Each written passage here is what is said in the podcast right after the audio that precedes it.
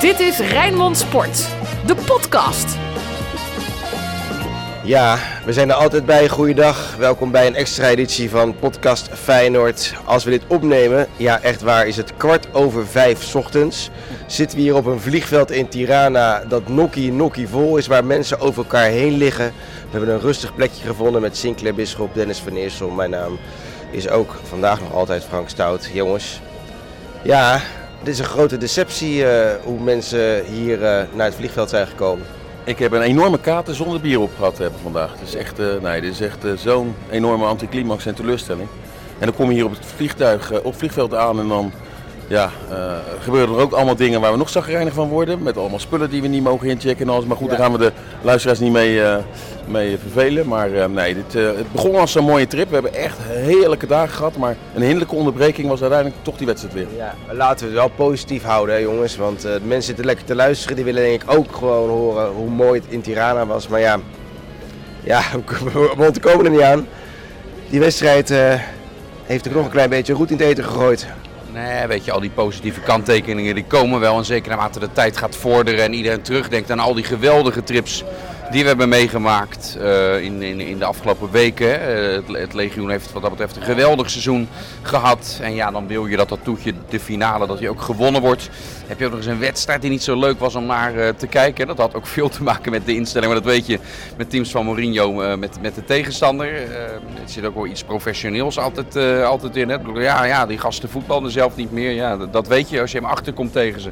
En dan is één foutje, één slippertje is dan een hele, hele dure. Rood, wit, bloed, zweet. Geen woorden maar daden. Alles over Feyenoord. Waar ging het mis, Sinclair? Na de eerste helft, waarin Feyenoord misschien en te veel ontzag had voor de tegenstander en ook misschien wel nerveus, maar geen enkele kans creëert, veel balverlies. En de tweede helft zien we dan wel op een gegeven moment uit die kleedkamer komt Feyenoord en dan zie je wel ineens wat je wil zien, wat je ook heel veel wedstrijden hebt gezien. En dan komen er ook kansen, gaan ballen tegen de paal onder de lat. Ehm, maar ja, uiteindelijk is het dan niet goed genoeg en de frustratie zit. En verlies je nou van een hele sterke tegenstander die kans op kans krijgt, kan je ermee leven. Maar ze zijn één keer echt goed voor de goal geweest en nog wel wat kansjes, maar Feyenoord had de betere kansen. Je had dit niet hoeven te verliezen. Ben je het ermee eens? Is, eh, had, had Feyenoord meer verdiend? Op zijn minst de gelijkmaker. Zeker in die sterke fase na rust. Hè? Als je de paal en de lat raakte, ben je er heel erg dichtbij. Ik moet zeggen, het appte daarna wel weer weg omdat Roma opnieuw het heft in handen nam. Kijk, verdedigen, eh, er komt zijn stokpaardje weer. Verdedigen is natuurlijk ook een kwaliteit. Hè? Dat kun je aan de Italianen wel overlaten.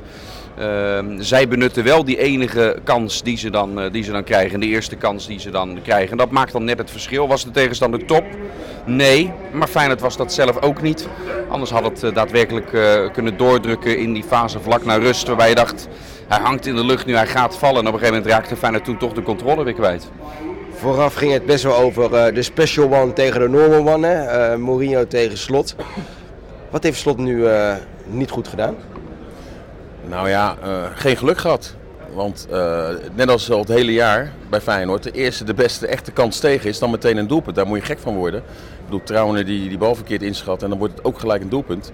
Ja, en dan toch de pech dat sommige ballen niet worden afgemaakt. Ja, wat kan Slot eraan doen dat Linsen een 100% kans in de extra tijd gewoon niet binnenloopt. En ik had het wel willen zien, want in de verlenging, je zag al dat AS Roma er helemaal doorheen zat.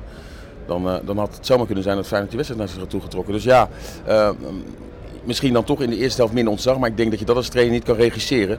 Die spanning die zit op een gegeven moment in de benen. En ja, dat was bij beide ploegen. Want er ging bij heel veel, bij, eigenlijk bij beide ploegen, het eerste half uur heel veel mis. Ging Bijlo vrij uit bij die eh, 1-0 of is hem niks te verwijten? Nee, kijk, je verwacht dat Trouwen die bal eh, wegkopt. Die, eh, die timet dan verkeerd. De bal gaat net over zijn hoofd en komt bij die speler. Bijlo komt dan nog wel uit. Maar het is qua tijd eigenlijk niet meer, eh, eh, niet meer te doen. Hij probeert de hoek nog zo klein mogelijk te maken. Ja, die gozer wipt hem er laag, eh, laag langs. Nee, ik vind, dat geen, ik vind het zeker geen fout van Bijlo. Dat was niet de beste wedstrijd van Trauner, hè? Nee, die werden ook gewisseld. Gebeurt natuurlijk niet vaak. Normaal de sterkste verdediger. Nu waren dat denk ik Senesi en Gertruida. Verdedigend stond Feyenoord goed. Hè? Ik bedoel, eh, Abraham eh, geroemd. Nauwelijks eigenlijk gezien. Eigenlijk die hele aanval van, eh, van Roma werd toch, eigenlijk toch makkelijk aan banden gelegd. Maar ja, wel een heel duur foutje. Taxatiefout. Liep ook nog tegen een gele kaart op, al heel snel in de wedstrijd. Eh, Nou, dat vond ik wel een professionele goede overtreding. ja, maar daardoor kon hij zich heel weinig permitteren meer. En eh, ja, op een gegeven moment in de tweede helft, toen ja, werd hij wat, wat onzeker ook. Toen werd hij ook naar de kant gehaald. Maar eh, nee, het was zeker niet de beste wedstrijd van Trouwner. De Feyenoorder van de week. De Feyenoorder van de week. Wie was de beste man aan de kant van Feyenoord? Ja, er was uiteindelijk niemand, volgens mij, die echt ehm, het, het, niveau van het team oversteeg. Hè. Soms heb je dat wel eens in, in wedstrijden dat er eentje echt, echt, echt de toppen van zijn kunnen speelde.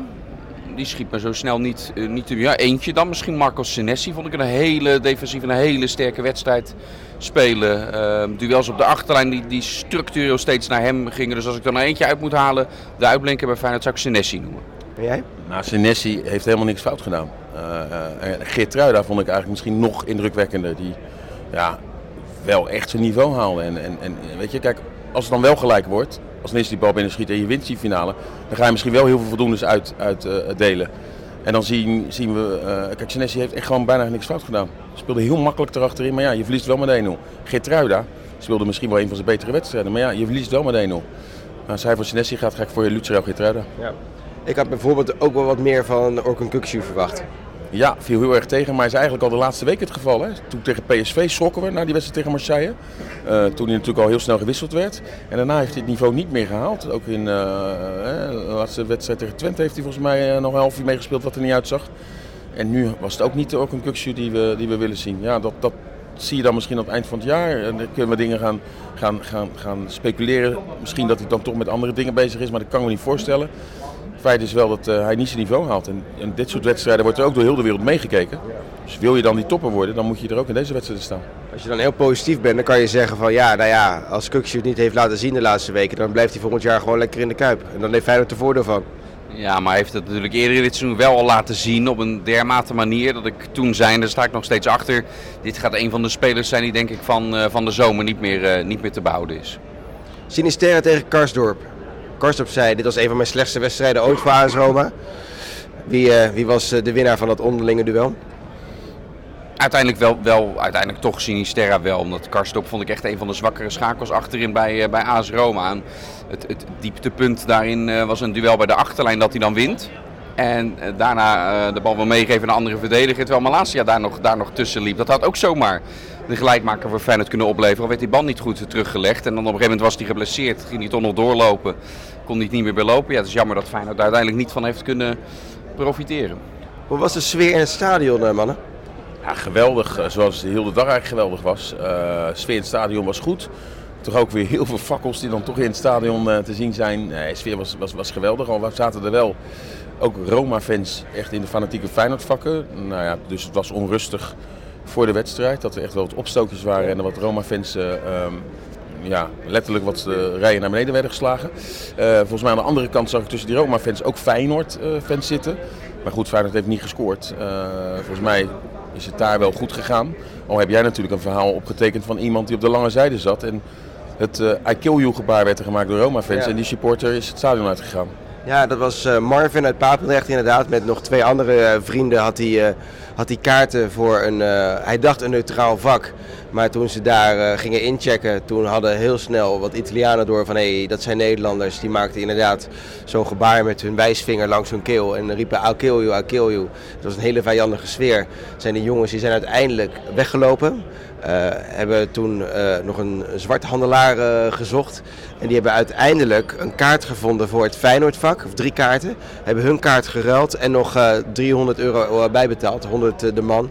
En hebben toch de avond van hun leven gehad. Die vonden toch eigenlijk de link om tussen die um, Italianen te gaan, gaan zitten. Ja, weet je, dat moet iedereen lekker voor zich weten. Ja, dat is ik, een ik gevoel. Ik weet wel dat op de lange zijde ook heel veel Feyenoorders waren. Dan zou je zeggen, joh, dan... dan verkast je toch een meter of 30 naar links en dan ga je daar proberen ja. tussen staan. Want er waren ook wel lege plekken hoor. Dus je had, ja, maar, ja, goed, maar, maar dat weet je niet als je de, uh, uh, precies, je weet dat niet als je uh, het stadion nog niet bent geweest. En weet je, nee. iedereen moet zelf zijn eigen gevoel en zijn eigen afweging uh, maken daarin.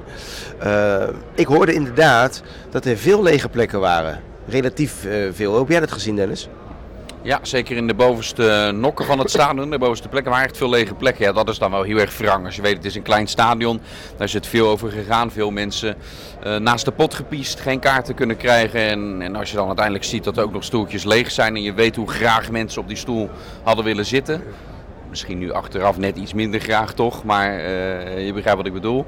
Uh, ja, dan is, dat, dan is dat hartstikke wrang dat dan niet iedereen die een kaartje had daadwerkelijk naar binnen is gegaan. Ja. En, en, dat heeft ermee te maken dat gratis kaarten zijn. Hè? Uh, zowel Roma als Feyenoord hebben gratis kaarten gekregen. Dan zijn er toch mensen die dan misschien toch wel denken van ja, uiteindelijk doe ik het niet. Ja, het is niet in te denken, maar ik kan me dan voorstellen, kijk, als je er echt 100 euro voor hebt moeten betalen, dan zou je nog wel sneller uh, twee macht oren krabben dan dat je, dat je hem gratis krijgt. Ik denk dat je het daarin moet zoeken, want ik kan me niet voorstellen dat die kaarten nooit aan de man zijn gebracht.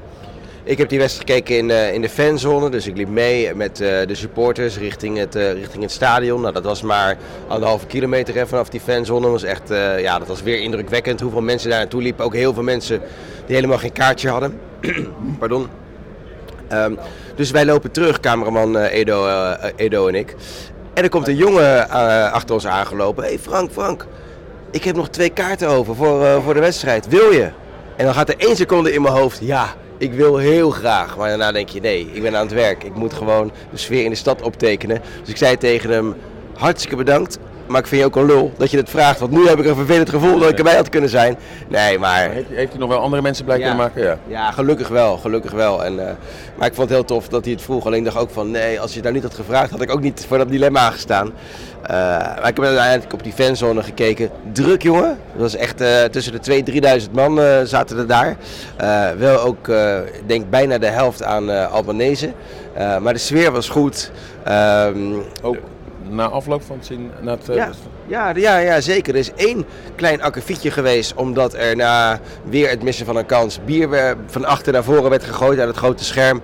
Vond een meneer op een gegeven moment in Rotterdam, of een, uh, hij kwam uit Brabant, maar een fan supporter, even niet zo leuk. Die, ging verhaal halen bij een andere groep jonge gasten. En uh, wat zit je te wijzen, Dennis? Ja, dat volgens mij de check-in van onze vlucht gaat beginnen. Dat we ook nog met een bus volgens mij richting het vliegtuig een stukje oh, okay. moeten. Maar uiteindelijk bleef... We probeerden met handgebaren onze ja. cameraman Edo erop te wijzen. Maar mijn, mijn, mijn, mijn gebarentaal is niet derwaard. Of die kon checken of dat inderdaad onze reis straks ja. is. Maar uiteindelijk bleef dat helemaal rustig. En na afloop gingen er gelijk heel veel mensen weg. En bleven de Feyenoord supporters toch wel ontgoocheld. En uh, ja, met een grote desillusie achter. Maar de sfeer was prima. En ook, uh, wij waren daar dan met een cameraman uh, en ik. En iedereen stond ons gewoon prima te woord. En ja, ja was, dat vond ik ook klasse. En weet je wat het mooie was?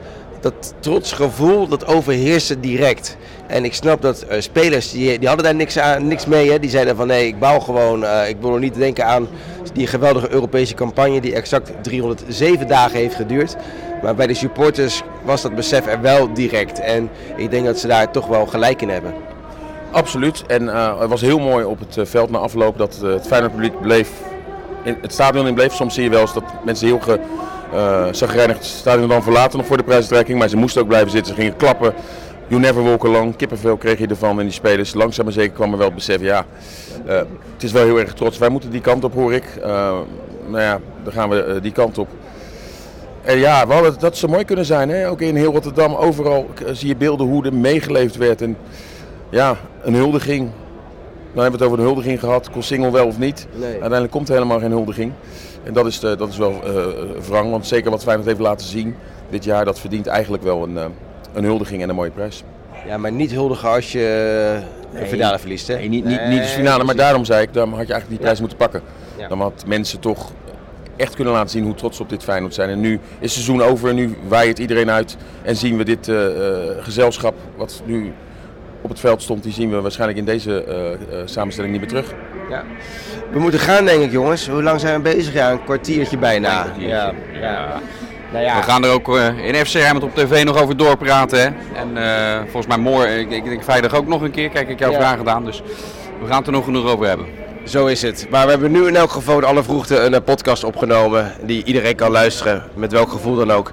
Bedankt voor het luisteren. Hou Rijnmond gewoon even in de gaten. Er komt nog veel meer over Feyenoord aan en uh, tot de volgende keer. Yo, hoi hoi. Dit was Rijnmond Sport, de podcast. Meer sportnieuws op Rijnmond.nl en de Rijnmond app.